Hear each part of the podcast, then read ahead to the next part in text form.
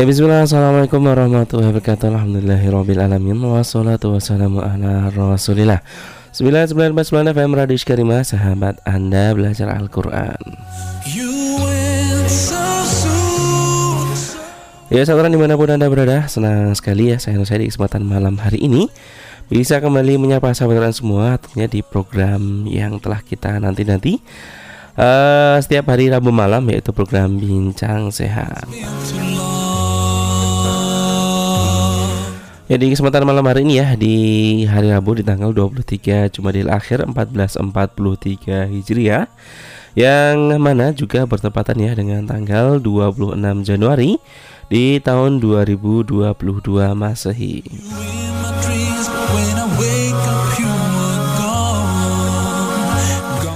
Ya dan uh, seperti Rabu yang sebelumnya ya Oh ya, Rabu kemarin sempat libur ya. Uh, seperti Rabu-Rabu sebelum-sebelumnya ya. Izinkan saya sehat ya untuk menemani sahabat dengan semua Insya Allah untuk satu jam ke depan tentunya di program Bincang Sehat ya. Yang mana di program Bincang Sehat ini ya, sahabat dengan semua bisa bergabung ya Yang punya problematika seputar kesehatan. Yang pengen tanya-tanya di kesempatan malam hari ini kami persilahkan silahkan bergabung ya. Seperti biasa ya bisa langsung telepon di 0271 6980010 atau bisa juga di 081 229888614. Sekali lagi bisa di 02716980010 atau bisa juga di 081229888614. Ya, dan kami juga membuka sesi pertanyaan juga nanti insya Allah di akhir sesi ya bisa juga via YouTube ya streaming YouTube kami eh, di Radio Iskarima atau juga di fanspage kami dari Radio Iskarima ya untuk Facebooknya. Bisa dicek di situ nanti kalau misalnya pengen tanya di situ tafadhol kami persilakan dan insya Allah nanti kami baca juga tentunya ya. Ya namun sebelumnya bagaimana kabarnya sahabat semua di kesempatan malam hari ini ya? Kami doakan semoga sahabat semua senantiasa dalam kondisi yang sehat ya dan tidak kekurangan apa pun dan uh, mungkin ya bila ada yang sedang sakit di kesempatan malam hari ini ya. Yang mungkin sedang flu atau batuk seperti itu Ya bisa bergabung di kesempatan malam hari ini ya Bisa tanya-tanya ke dokter Nur mungkin nah, Obat apa yang cocok seperti itu Atau mungkin uh, bisa konsultasi langsung ke beliau nanti pengen tanya problematika seputar kesehatan yang lain. Sekali lagi bisa langsung telepon di 0271 698 0010 atau bisa juga di 081 229 888614. Ya dan soalan karena uh, kita sepertinya sudah tersambung ya dengan Dr. Nur ya via Zoom di kesempatan malam hari ini. Mungkin langsung saja kita sapa beliau terlebih dahulu mungkin ya. Uh, halo, assalamualaikum Dokter Nur. Waalaikumsalam warahmatullahi wabarakatuh. Masya Allah. Bagaimana kabarnya dokter di malam hari ini? Alhamdulillah baik sehat. Alhamdulillah, masya Allah. ya kami senantiasa dokter mendoakan antum semoga sehat selalu, kemudian juga uh, bisa diberi istiqomah dan juga kelonggaran waktu agar nantinya kita bisa selalu bertatap muka meskipun masih via zoom ya, dokter ya. Amin amin saya ya. Masya Allah ya. Uh, apa dokter? Di malam hari ini kita mau bahas apa ini dokter? Ya uh, ini kita akan membahas yang ringan-ringan saja, uh, yaitu mengenai infeksi saluran kemih ya. Oke. Okay. Uh, infeksi saluran kemih dokter ya itu kalau menurut ya. anda sudah berarti dokter bukan ringan lagi. Ya masya Allah. Dan uh, tentunya ya problematika ini juga dihadapi. Mungkin ada dari saudara semua yang mengalaminya dan mungkin ingin sharing atau juga ingin berkonsultasi seperti itu. Tentunya bisa langsung bergabung ya di kesempatan kali ini. Dan sekali lagi tidak menutup juga untuk sahabat Quran yang lain yang ingin bergabung. Namun uh, masalahnya ataupun juga penyakit yang dialami seperti itu tidak sesuai tema kita di kesempatan kali ini seputar uh, penyakit kandung kemih dokter ya. Ya, Dan tafadhol ya seperti yang kami sampaikan tadi sekali lagi dokter Afan sebelum kita mulai bisa menghubungi kami di 0271 698 0010 atau bisa juga di 081 229 888 614. Ya dan dokter uh, monggo tafadhol kami persilahkan untuk memulai pembahasan materi kita di kesempatan malam hari ini. Silakan dokter.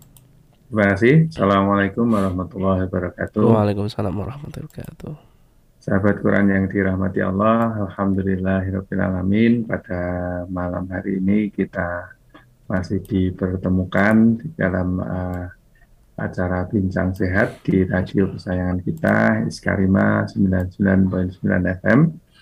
Dan mohon maaf, pekan kemarin kita tidak mem bisa membersamai uh, sahabat Quran semuanya tapi Alhamdulillah pada malam hari ini kita bisa melanjutkan hmm. uh, bincang-bincang kita. Insya Allah kita akan mengambil tema tentang infeksi saluran kemih. Ya, karena kita pandang ya, di rumah sakit ada cukup banyak pasien-pasien yang kita rawat dengan uh, infeksi saluran kemih. Mungkin di masa-masa hujan seperti ini, hmm. di, uh, uh, ini juga banyak uh, mungkin masyarakat yang uh, akhirnya mengalami ya mengalami infeksi saluran kemih ini hmm. ataupun paling tidak karena cuaca dingin sering ke belakang dalam ya. air kecil yang yang kadang-kadang merasa khawatir oh jangan-jangan ini sesuatu yang uh, abnormal hmm. padahal uh, secara fisiologis memang kalau cuaca dingin itu bisa uh, memicu timbulnya uh, gejala seperti itu yaitu uh, cenderung sering buang kecil hmm. ya jadi uh, tapi di sisi lain artinya uh, kalau kita mendapati ada perubahan semacam itu ya perlu waspada maka hmm, okay. pada malam hari ini kita akan coba bahas tentang uh, infeksi saluran kemih itu yeah. Jadi secara istilah bahwa eh, infeksi saluran kemih itu diistilahkan apabila eh,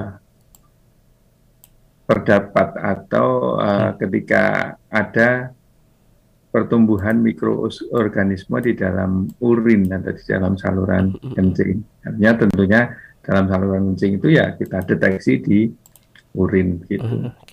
Ya, dan dikatakan uh, apa itu bakteri uria atau adanya bakteri di urin itu kalau dia bermakna lebih dari eh, uh, 10 pangkat 5 10 ya. pangkat 5 5 ya itu jumlah bakterinya ya per mililiter ya, per mililiter ya. jadi uh, itu bisa kita kita hitung kalau di laboratorium seperti itu Nah, itu menandakan adanya uh, infeksi di saluran uh, kemih. Nah, nanti infeksi di saluran kemih itu atau ketika kita temukan bakteri sejumlah itu, itu bisa menimbulkan gejala, bisa menimbulkan keluhan, atau bisa juga tidak. Hmm. Artinya uh, pada orang yang ternyata dites, oh ditemukan bakteri yang banyak di saluran kemih. Uh, kemihnya tetapi tidak memberikan gejala itu bisa yang disebut dengan bakteri urea asimptomatik artinya tidak ada gejala ya uh, tapi juga ada bisa memberi gejala hmm. ya. itu dan uh, yang kedua yang perlu kita ketahui sebelum kita membahas tentang hmm. infeksi saluran kencing bahwa uh, secara anatomis di saluran kencing itu untuk memudahkan pembahasan uh, kita bagi menjadi dua area atau dua zona yaitu infeksi saluran uh, kemih bagian atas dan infeksi saluran uh, kemih bagian bawah. Okay. Infeksi saluran kemih bagian atas itu apa? Yaitu ginjal dan ureter. Ginjal dan ureter ginjal dan ureter. Ureter itu saluran yang menghubungkan antara ginjal ke kandung kemih. Ya, itu disebut dengan ureter. saluran kemih bagian atas. Dan yang kedua adalah uh, saluran kemih bagian bawah. Yang termasuk saluran kemih bagian bawah yaitu kandung kemih ya atau urinaria dan uretra. Uretra itu eh, yang menghubungkan antara kandung kemih ke luar. luar. Ya, jadi kita pahami bahwa uretra laki-laki itu lebih panjang daripada perempuan. Perempuan ya, ya karena uh, perbedaan di alat uh, alat apa kelaminnya begitu. Hmm. Jadi uh, uretra uh, perempuan lebih pendek tentunya. Ya, jadi uh, nanti dalam pembahasan infeksi saluran kemih juga kita bagi dua infeksi saluran kemih bagian bawah dan infeksi saluran kemih bagian atas. atas. Dan karena ada perbedaan kekhususan tadi ya antara laki-laki dan perempuan, maka ya maka uh, eh, ISK bagian bawah ya ini uh, berbeda antara laki-laki dan perempuan. Kalau laki-laki itu presentasinya atau wujud penyakitnya itu bisa uh, sistitis. Ya, sistitis itu infeksi di kandung kemih. Ya, ini yang pertama. Yang kedua prostatitis. Hmm. Ya, prostatitis di prostat. Wanita tidak punya prostat. Ya, tapi kalau laki-laki ada uh, prostat. Ini ada prostatitis. Kemudian bisa juga infeksinya tadi di kandung eh, di saluran epididymus yang disebut epididymidis gitu. Ini ini ini saluran sperma. Ya, bisa bisa terjadi uh, infeksi di situ. Dan yang terakhir adalah uretritis. Ya, karena uretranya tadi panjang, hmm, maka bisa terjadi uretritis pada laki-laki. Ya, sebaliknya pada wanita ya hanya sistitis saja, infeksi hmm. di kandung kemih. Ya, ditambah dengan namanya ada sindrom uretra, uretra akut. Ya. Ini pada uh, wanita. Sedangkan uh, infeksi saluran kemih bagian atas sama antara laki-laki dan uh, perempuan, ya, yaitu bisa berupa pielonefritis akut atau pielonefritis kronis. Pielonefritis itu pielum itu artinya saluran yang menghubungkan tadi uh, antara uh, ginjal dan kandung. Eh, ya. Pielonefritis akut it, ini uh, merupakan proses inflamasi atau infeksi ginjal hmm. ya yang atau paren ginjal yang biasanya disebabkan karena uh, bakteri. Ya Nah, kalau eh, dan itu bersifat uh, akut maksudnya jangka pendek. Hmm. Pielonefritis kronis ini mungkin uh, karena akibat infeksi yang berkepanjangan mungkin sejak sejak masa uh, muda atau masa hmm. kecil. Ya. Ini batasan-batasan uh, yang kita apa uh, perlu ketahui, kita ketahui ketika kita membahas tentang uh, infeksi saluran uh, kemih atau infeksi saluran kencing. Infeksi saluran kencing sendiri uh, secara epidemiologi atau kalau kita uh, apa itu tinjau dari sisi apa lingkungan atau angka kejadian itu maka sangat dipengaruhi oleh banyak faktor seperti usia, hmm. kemudian jenis kelamin, hmm. kemudian uh, faktor-faktor yang uh, menyebabkan atau faktor-faktor uh, predisposisi istilahnya faktor-faktor yang me mendahului uh, seseorang itu bisa terkena uh, salur, uh, infeksi saluran kemih. kemih. Seperti contohnya yang pertama batu, nah, adanya batu di saluran kencing. Ya, tentang uh, tadi gender atau atau jenis kelamin tadi kan hmm. sudah kita bahas. Nah, ini faktor predisposisinya ini salah satunya adalah batu. Nah, kalau ada batu sama seperti ketika saluran air ada batu, nah, mesti di situ uh, banyak ikan atau atau makhluk hidup yang senang hidup yeah. di situ. Demikian juga bakteri dengan bakteri, tentunya dia senang di satu tempat yang mampet tadi. Sedikit batunya dan ada gangguan aliran. Okay. Okay. Kemudian juga uh, adanya obstruksi saluran kemih, maksudnya ada ada sumbatan. Okay. Ada sumbatan artinya uh, aliran urin itu tidak, lancar, artinya ada ada sumbatan. Nah, itu juga merupakan faktor uh, predisposisi atau yang mempermudah terjadinya uh, infeksi di saluran kemih hmm. atau penyakit ginjal polikistik. Ya, ginjalnya itu berkista-kista. Berkista. Okay. Berkista-kista. Ya. Kemudian uh, bisa juga karena uh, diabetes mellitus kemudian uh, kehamilan. Nah, oh, gitu. kehamilan pun juga jadi faktor ya? Ya, iya, iya. Hmm. Ya. Kemudian eh, tindakan-tindakan uh, yang uh, dilakukan di saluran kencing, misalkan kateterisasi, ya, habis habis sakit atau habis melahirkan atau habis operasi misalkan, hmm. kan dipasang kateter. Ya. ya, dipasang kateter, dipasang selang di urin. Hmm. hmm, hmm. Nah, yang dia pulang, ya, sampai di rumah demam, nyeri di situ. Nah, terjadi infeksi di saluran uh, kemihnya. Ya, artinya uh, sakit yang lama mungkin sudah sembuh, dapat bonus karena pemasangan ya pemasangan kateter mungkin yang lama atau kurang apa higienis ya itu baik ketika melepas maupun memasangnya itu bisa merupakan faktor predisposisi atau berhubungan suami istri.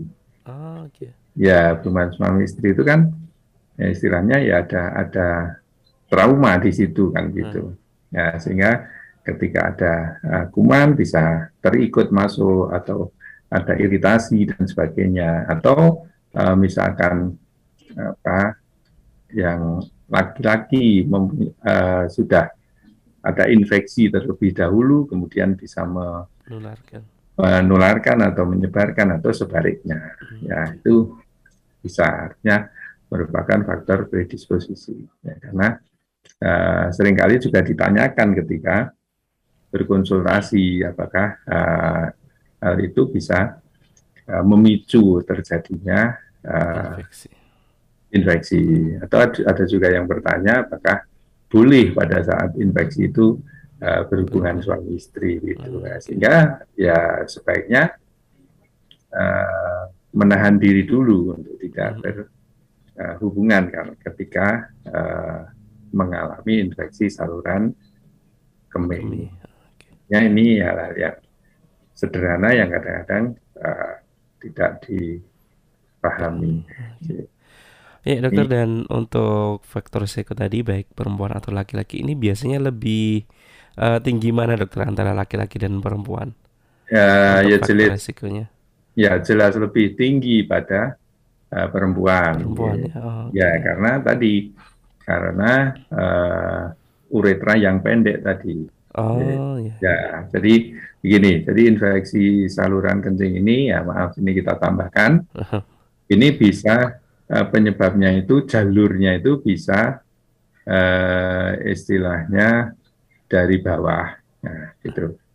Bisa dari bawah, dari uh, atau bisa dari atas, ascenden dari bawah itu ascenden. Nah. Maksudnya begini, maksudnya kumannya, bakterinya itu hmm. dari bawah, dari luar, masuk ke uretra, hmm. masuk ke kandung kemih. kemih. Okay. Nah, kalau salurannya itu pendek, maka kan uh, lebih mudah terjadi uh, migrasi kuman dari luar ke dalam.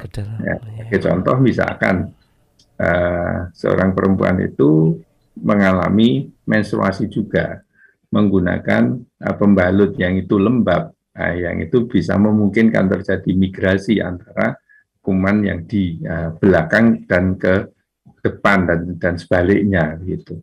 Ya ini maka rentan, mm -hmm. ya, hmm, hmm. rentan terjadi infeksi. Uh, infeksi, ya. Nah, di samping tadi faktor kehamilan, faktor mm -hmm. uh, hormonalnya dan sebagainya. Ada ada pula beliau itu kalau perempuan kan apa menstruasi kan gitu, yang tentunya uh, jelas membutuhkan uh, apa itu uh, dari sisi kebersihan yang ekstra gitu. Sehingga uh, boleh dikatakan lebih uh, sering uh, ISK itu terjadi pada perempuan. Uh, perempuan. Okay. Ya. Dan tadi jalannya uh, masuknya kuman itu atau migrasi kuman itu uh, tadi dari ascendant ya artinya dari dari luar atau dari bawah hmm. bisa juga dari dari atas atau descendant maksudnya dari terbawa pembuluh darah masuk ke ginjal kemudian menginfeksi di ginjal kemudian turun baru ke hmm. ureter dan ke kandung.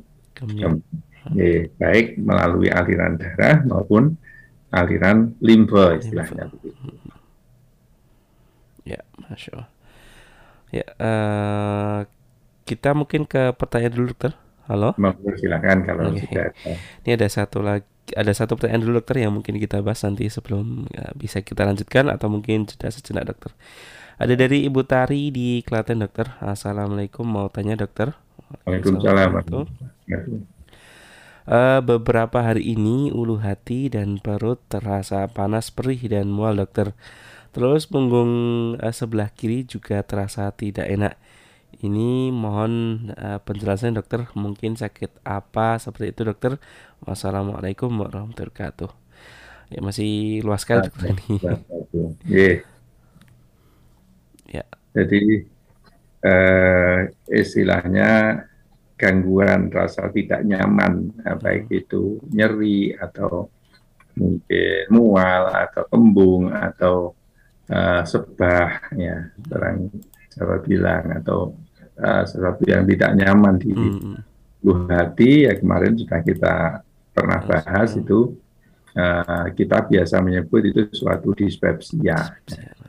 Dispepsia. Atau atau secara uh, awam orang menyebut itu mah kan gitu.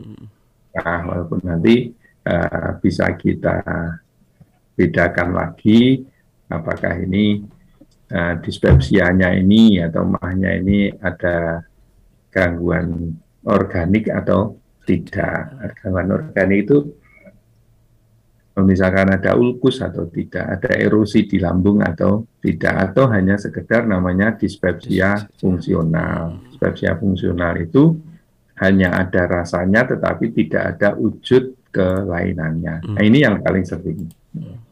Ini yang paling sering. Ya biasanya uh, itu merupakan uh, gejala-gejala mah saja. Jadi uh, itu semakin uh, bisa memberikan rasa semakin tidak nyaman ketika kita yang mensikapi uh, dengan kecemasan. Jangan-jangan gini, jangan-jangan gini. Nanti malah menjadi sesuatu yang tidak nyaman. Okay. Insya Allah kalau kalau gejala-gejala yang disampaikan uh, tadi, ya biasanya hanya gejala dispepsia. Uh, dispepsia. Ya, Masya Allah. Uh, ya dokter, jazakumullah untuk jawabannya. Itu tadi nggih Ibu Tari di Klaten, insya Allah nanti uh, tadi sudah dijawab oleh dokter Nur. Uh, insya Allah nanti kemungkinan kemungkinan itu hanya dispepsia. Jadi tidak perlu terlalu khawatir seperti itu untuk Ibu ya. Tari Klaten. Uh, kalau misalnya masih belum puas, itu mungkin bisa langsung konsultasi ke dokter terdekat atau bisa dicekkan ke rumah sakit seperti itu dokter ya. Iya. Ya nah, dokter, eh, mungkin kita lanjutkan atau mungkin kita break sebentar dokter. Emang enggak, okay, Ya mungkin kita break sejenak terlebih dahulu dokter nggih. Eh, kita ya, ya. dulu ada beberapa iklan dan renungan sebelum nanti kita mulai melanjutkan pembahasan dan tentunya ya so nanti kita akan bacakan ya pertanyaan yang sahabat Quran kirimkan juga seperti Ibu tadi di Klaten tadi ya. Monggo tafadhol bisa langsung dikirimkan ke 081229888614. Sekali lagi di 081229888614 atau bisa juga di nomor 02716980010 dan bisa juga via streaming kami yang ada di uh, YouTube dan juga di Facebook. Tafadhol bisa dipilih salah satu dan insya Allah nanti akan kita bacakan juga tentunya. Kita putarkan dulu ada beberapa renungan yang lihat ini jangan ke mana-mana tetap setia bersama kami di 99.9 FM Radio Iskarima sahabat Anda belajar Al-Quran. Ya, sekarang kembali lagi ya di kesempatan malam hari ini masih bersama dengan saya Nur. Saya tentunya juga narasumber kita itu Dr. Nur Hidayat SPPD Finasim. Ya dan sambil menunggu beliau tersambung kembali ya, kita ingatkan lagi bagi saya semua Monggo yang pengen bergabung masih kami tunggu ha, tentunya bisa telepon di 081 229 888 atau bisa juga di 0271 698 0010 atau bisa juga via streaming kami yang ada di Facebook dan juga di YouTube silahkan dipilih salah satu dan uh, tentunya kami membuka uh, seluas-luasnya ya baik yang sesuai tema ataupun juga di luar tema kami persilahkan.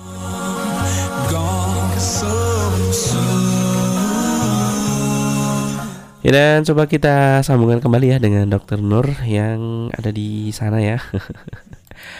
ya assalamualaikum Dokter Nur. Halo, sudah tersambung kembali. Oke, ya. masya Allah. Ya dan sudah tersambung kembali setelah dan nah, kita mungkin langsung ke pertanyaan saja ya dokter ya. ya dokter, ini ada pertanyaan dokter. Saya buka WhatsAppnya dulu.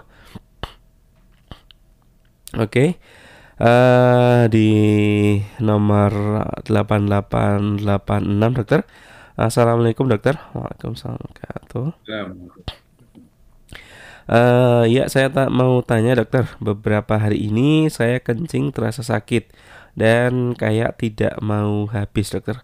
Jika dipaksakan untuk dihabiskan malah tambah sakit dokter. Dan itu sampai sekarang masih sering terasa. Kira-kira apa yang harus saya hindari dokter? Ya, Masya Allah. Ya. Uh, jadi ini ada ada dua hal, cuma sayangnya beliau tidak menyebutkan uh, apa laki-laki atau perempuan umurnya berapa gitu. Oke, okay. coba nanti sambil kita tunggu dokter. Ya, okay. Artinya begini, uh, ada keluhan-keluhan atau hmm. ada gejala-gejala yang uh, sangat mirip pada beberapa kasus. Ya, hmm. Ya, secara umum memang uh, gejala yang dirasakan ini uh, kencing terasa sakit, yeah. terutama kalau mau habis. Ya ini uh, merupakan suatu disuria, istilah medisnya begitu. Hmm. Disuria itu uh, ketika kencing terasa sakit atau atau panas. Nah itu dis, uh, namanya disuria. disuria. Bisa juga ya bisa juga uh, apa sering kencing. Ya benar-benar kencing atau atau anyang-anyangan orang Jawa bilang oh, gitu. anyang-anyangan. Ya nah, sering tapi ya tidak bisa banyak. Artinya hanya uh, sedikit-sedikit dan sakit. Ya dan ini tadi balik ini tadi namanya dis disuria artinya ketika buang air kecil sakit. Apakah ini bisa merupakan salah satu tanda dari uh, infeksi saluran kemih bisa bisa juga gitu, bisa juga uh, itu merupakan gejala dari gangguan prostat. Gitu. Oke. Okay.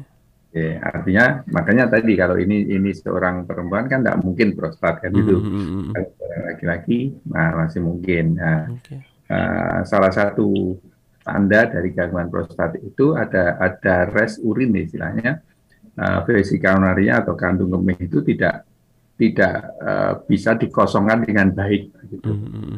Ya, tidak bisa dikosongkan dengan baik dan bahkan ada uh, keluhan bahwa ketika sudah terasa buang air kecil itu ketika uh, mohon maaf bahasa Jawanya didengke kan gitu. Uh. Didengke itu justru tidak bisa keluar. Mm -hmm. Tapi ketika rileks gitu. Ketika rileks nanti bisa bisa keluar sendiri gitu. Nah, ini ini salah satu uh, gejala dari gangguan prostat. Gangguan uh, prostat. Ya. Maka uh, tentunya juga di, dilihat umurnya berapa jenis kelaminnya apa. Mm, okay. ya, kalau laki-laki sudah usia sudah di atas 50 tahun misalkan nah ini uh, mungkin bisa mengarah ke gejala-gejala prostat. Prostat. Mm, okay. ya, kalau enggak ya tadi bisa karena uh, apa gejala-gejala infeksi saluran kencing atau atau mungkin terbiasa menahan apa kencing. mengampet ya uh. sehingga ketika ketika apa itu uh, keluar menjadi uh, agak tidak nyaman atau menjadi uh, menjadi sakit. Ya. Kemudian tadi ada pertanyaan apa yang harus dilakukan ya? Ya sebaiknya tidak menahan, ya, itu. sebaiknya tidak menahan-nahan uh, apa itu buang air kecil, ya. karena Nabi pun mengajarkan ketika mau sholat apa terasa kan gitu terasa apa uh, mau buang air kecil atau buang air besar ya dikeluarkan di, dulu. Ya, dianu dulu, dituntaskan dulu hmm. baru ya, yang baru uh, melaksanakan sholat. Hmm. Ya, karena kalau aktivitas apa pun sebenarnya tidak nyaman kalau menahan itu. Awalnya mungkin ketika di tol dokter ya, ya rest ya. area masih jauh. Gitu. ya, ya. Ya Masya Allah itu tadi ya jawabannya untuk pendengar di 886 ya kami tunggu nanti untuk uh, mungkin dan mungkin dan kalau yang dirasakan hmm. yang lain mestinya kan hmm, gitu. ya.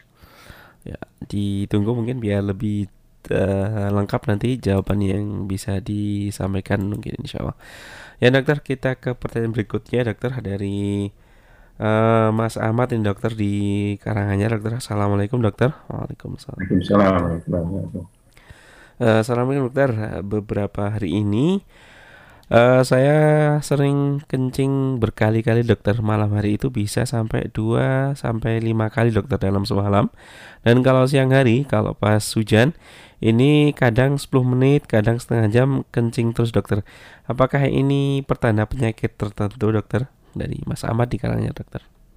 Ya, yeah, terima kasih Mas Ahmad ya. pertanyaannya. Seperti yang kita sampaikan tadi, memang ketika kondisi dingin, hmm. misalkan uh, apa hujan atau memang cuaca agak dingin, apalagi uh, diimbangi dengan uh, minum, minum yang banyak, banyak ya, ya itu memang uh, frekuensi maupun jumlah buang air kecil menjadi lebih sering gitu.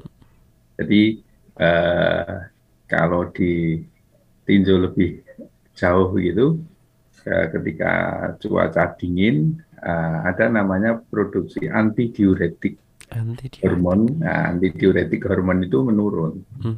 ya, ya, padahal anti diuretik hormon itu fungsinya untuk mengerim supaya tidak buang air kecil, kecil. Nah, maka uh, bisa dikatakan bahwa ketika cuaca dingin memang remnya belum gitu.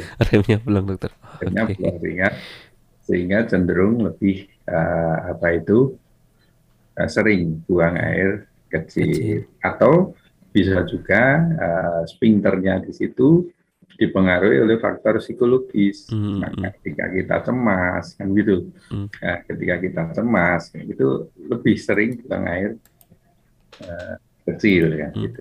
Ya, jadi uh, uh, kalau frekuensinya itu ber tambah atau sering, tetapi tidak ada rasa sakit, tidak hmm. ada rasa nyeri, kemudian bahkan tidak ada uh, gejala lain yang mengikuti seperti demam atau mungkin nyeri pinggang dan sebagainya ya, saya kira tidak ada uh, yang perlu dikhawatirkan. Hmm. Ya, masya Allah. Jadi uh, sepertinya bukan penyakit ya dokter. ya, insya Allah dari Tidak ya dokter ya. Ya, jadi ada tadi jawabannya untuk Mas Ahmad yang di Karanganyar ya. Jazakumullah sudah bergabung di kesempatan malam hari ini. Ya, kemudian ke pertanyaan berikutnya dokter ada dari Pak Harno di Wonogiri dokter. Assalamualaikum, selamat malam Pak dokter. Waalaikumsalam warahmatullahi Uh, Pak dokter, ini saya usia 50 tahun dokter. Ini saya sering anyang-anyangan. Ini sebabnya apa, Ji? Oke, mungkin bisa langsung dijawab dokter yeah. sering anyang-anyangan Pak Harno Insya Allah. Ya, jadi usia 50, 50 tahun, tahun ya. Sering anyang-anyangan artinya kalau kalau apa sudah definisi, definisinya atau istilahnya hmm. anyang-anyangan itu tidak hanya sekedar sering buang hmm. air kecil tetapi memang tidak nyaman tidak gitu tidak nyaman artinya Ya, eh, itu bisa tadi bisa merupakan salah satu gejala dari infeksi saluran kemih tadi. Ya, bisa maka Ya, uh, kalau memang itu sering terjadi ya sebaiknya apalagi uh, Pak Harto ini sudah usianya 50 Betul. tidak ada salahnya untuk uh, dicek kesehatannya. Misalkan ada enggak hubungannya dengan diabetes, hmm. misalkan nah, bisa dicek kadar gula darahnya hmm. atau juga bisa dicek uh, urinnya, istilahnya urin rutin, ya, hmm. dilihat. Jadi kalau misalkan oh ternyata gula darahnya normal, urinnya normal, ya artinya tidak ada yang perlu dikhawatirkan. Ya, oke, Pak Arno di Wonogiri ya. Ya, jazakumullah sudah bergabung untuk uh, program kita kesempatan malam hari ini dan semoga segera sembuh untuk anyang-anyangnya biar bisa beraktivitas normal kembali seperti itu. ya dan dokter kita ke pertanyaan berikutnya dokter ada dari Mas Ade di Boyolali dokter. Assalamualaikum dokter Nur. Waalaikumsalam warahmatullahi uh, Dokter Nur saya sering sekali seminggu ini merasakan nyeri setelah buang air kecil. Ini kenapa nggih dok? Nggih, mungkin ini pertanyaan hampir sama semua dokter ya. Iya, iya, cuma uh, gitu. apa itu uh, menganunya sepotong-sepotong ada yang sering ada yang gitu. Uh, ya karena memang memang apa saya tadi belum menjelaskan klinisnya secara hmm. detail gitu memang apa nah, nanti berkembang insya Allah di pertemuan uh, berikutnya akan kita akan kita bahas tentang bagaimana dok gejala klinisnya lebih lebih lanjut begitu. Jadi uh, kalau yang disampaikan uh, beberapa, beberapa atau banyak penanya termasuk hmm. penanya yang, yang terakhir ini uh, nyeri ketika uh, buang air kecil atau ini lebih spesifik setelah ya setelah uh, buang air uh, kecil. Nah, ini uh, bisa juga karena faktor tadi faktor mekanik misalkan misalkan begini habis habis bersepeda misalkan hmm. atau habis duduk lama hmm. atau habis nah itu bisa juga uh, memberi atau habis tadi uh, ngampet yang terlalu lama yang agak okay. agak panjang itu oh, iya. bisa uh, semacam itu memberi rasa tidak nyaman. tidak nyaman. Hmm. Ya. Tetapi kalau hal itu semua tidak tidak ada, ya, hmm. faktor predisposisinya yang kita sebutkan tadi tidak ada, artinya aktivitasnya ya biasa seperti biasa, tapi kok pentingnya lama, uh, iya polanya kok menjadi berubah, artinya menjadi lebih sering dan sakit anyang-anyangan atau disuria hanya hmm. sakit nyeri atau bahkan ada gejala yang lain, misalkan ada demam, ada oh, okay. nyeri nyeri pinggang, misalkan yang gitu. Nah, ini uh, yang perlu ditindak lanjuti oh. kan gitu. Nah, usahanya apa ya? Usahanya bisa rata-rata uh, bisa diatasi uh, dulu dengan uh, minum yang cukup karena banyak ya apa problem-problem itu yang yang terjawab ketika uh, ditambah dengan asupan uh, cairannya. Uh, Oke, okay. okay, ya. Uh, ya itu tadi ya untuk Mas Ade atau Bapak Ade ini di BLI Jazakumullah sudah bergabung. Dan untuk yang lain juga tentunya Jazakumullah khair. Nah dokter sebelum kita sambil menunggu dokter Mungkin bisa sedikit dilanjutkan lagi dokter Untuk seputar infeksi saluran kemihnya tadi. Dan saya juga masih pengen tahu dokter Antara saluran infeksi saluran atas dan juga bawah ini Apakah uh, sama gejalanya Atau mungkin yang lebih berbahaya yang mana Mungkin dokter bisa sedikit disinggung sedikit dokter Sebelum sambil kita menunggu pertanyaan berikutnya Ya jadi uh, secara apa itu klinis artinya hmm. ISK bawah hmm. uh, dan ISK yang uh, atas ini uh, tentunya gejalanya berbeda ya kita mulai dari yang hmm.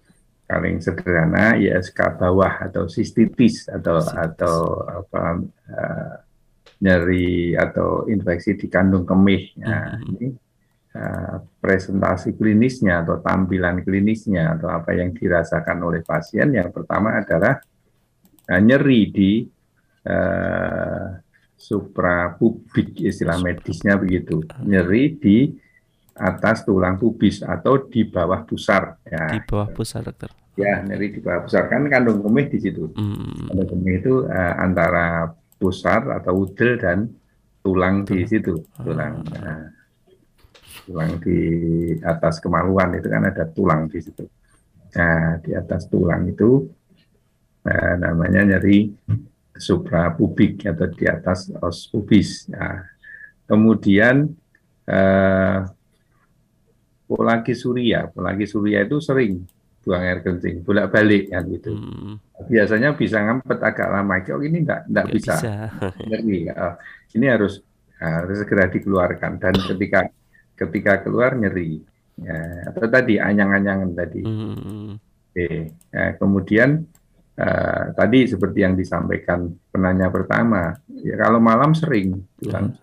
air kecil, uh, kecil uh, atau nocturia ya hmm. nocturia bahkan kalau pada anak-anak uh, ngompol kan gitu, oh. nah, gitu ya uh, tapi sekali lagi uh, kita tidak bisa hanya mengambil satu gejala kemudian menyimpulkan oh ini infeksi uh. yang kemih nah, ya, tadi ada, ada beberapa hmm. keluhan yang Lain, uh, terjadi. Yeah. Kemudian uh, kalau yang infeksi di saluran uh, kemih bagian atas biasanya uh, ditambah dengan keluhan nyeri pinggang, gitu, nyeri gitu. pinggang, okay. nyeri pinggang, kemudian demamnya lebih uh, sering dan bisa sampai menggigil. Hmm. Ya, ini ini yang uh, infeksi yang saluran nafas bagian. Biasanya lebih uh, gejalanya lebih uh, apa itu uh, nyerinya lebih uh, lebih nyata, lebih hebat yang uh, infeksi saluran kemih bagian atas dan uh, demamnya juga lebih uh, sering bahkan uh, sampai menggigil tadi. ini ini gambaran secara umum uh, semacam itu. Ya, masya Allah. Dan uh, tentunya masih banyak uh, sekali yang bisa kita bahas dokter ya seputar infeksi saluran kemih ini. Ya, uh, kita lanjutkan.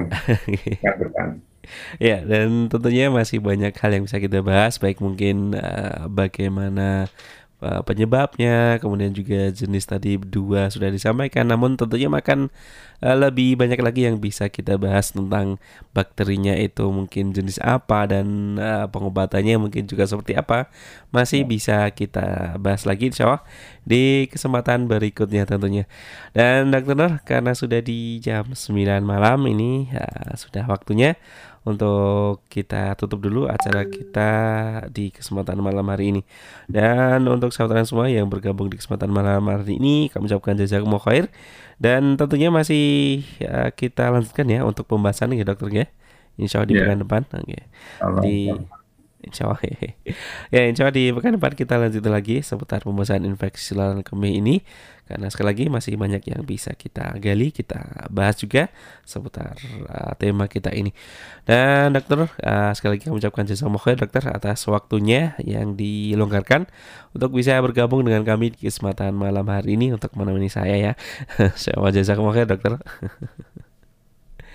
Dan tentunya Dan tentunya semoga kami doakan di uh, pekan-pekan berikutnya kita juga bisa kembali bersama lagi dokter. Baik mungkin nanti masih via Zoom atau bisa langsung datang ke sini. ya sekali jasa ke mana dokter dan tentunya kita cukupkan dulu perjumpaan kita di kesempatan kali ini. Satuan maafan Jidan ya. Mohon maaf bila mungkin masih ada banyak salah kata dan hal yang kurang berkenan di kesempatan malam hari ini.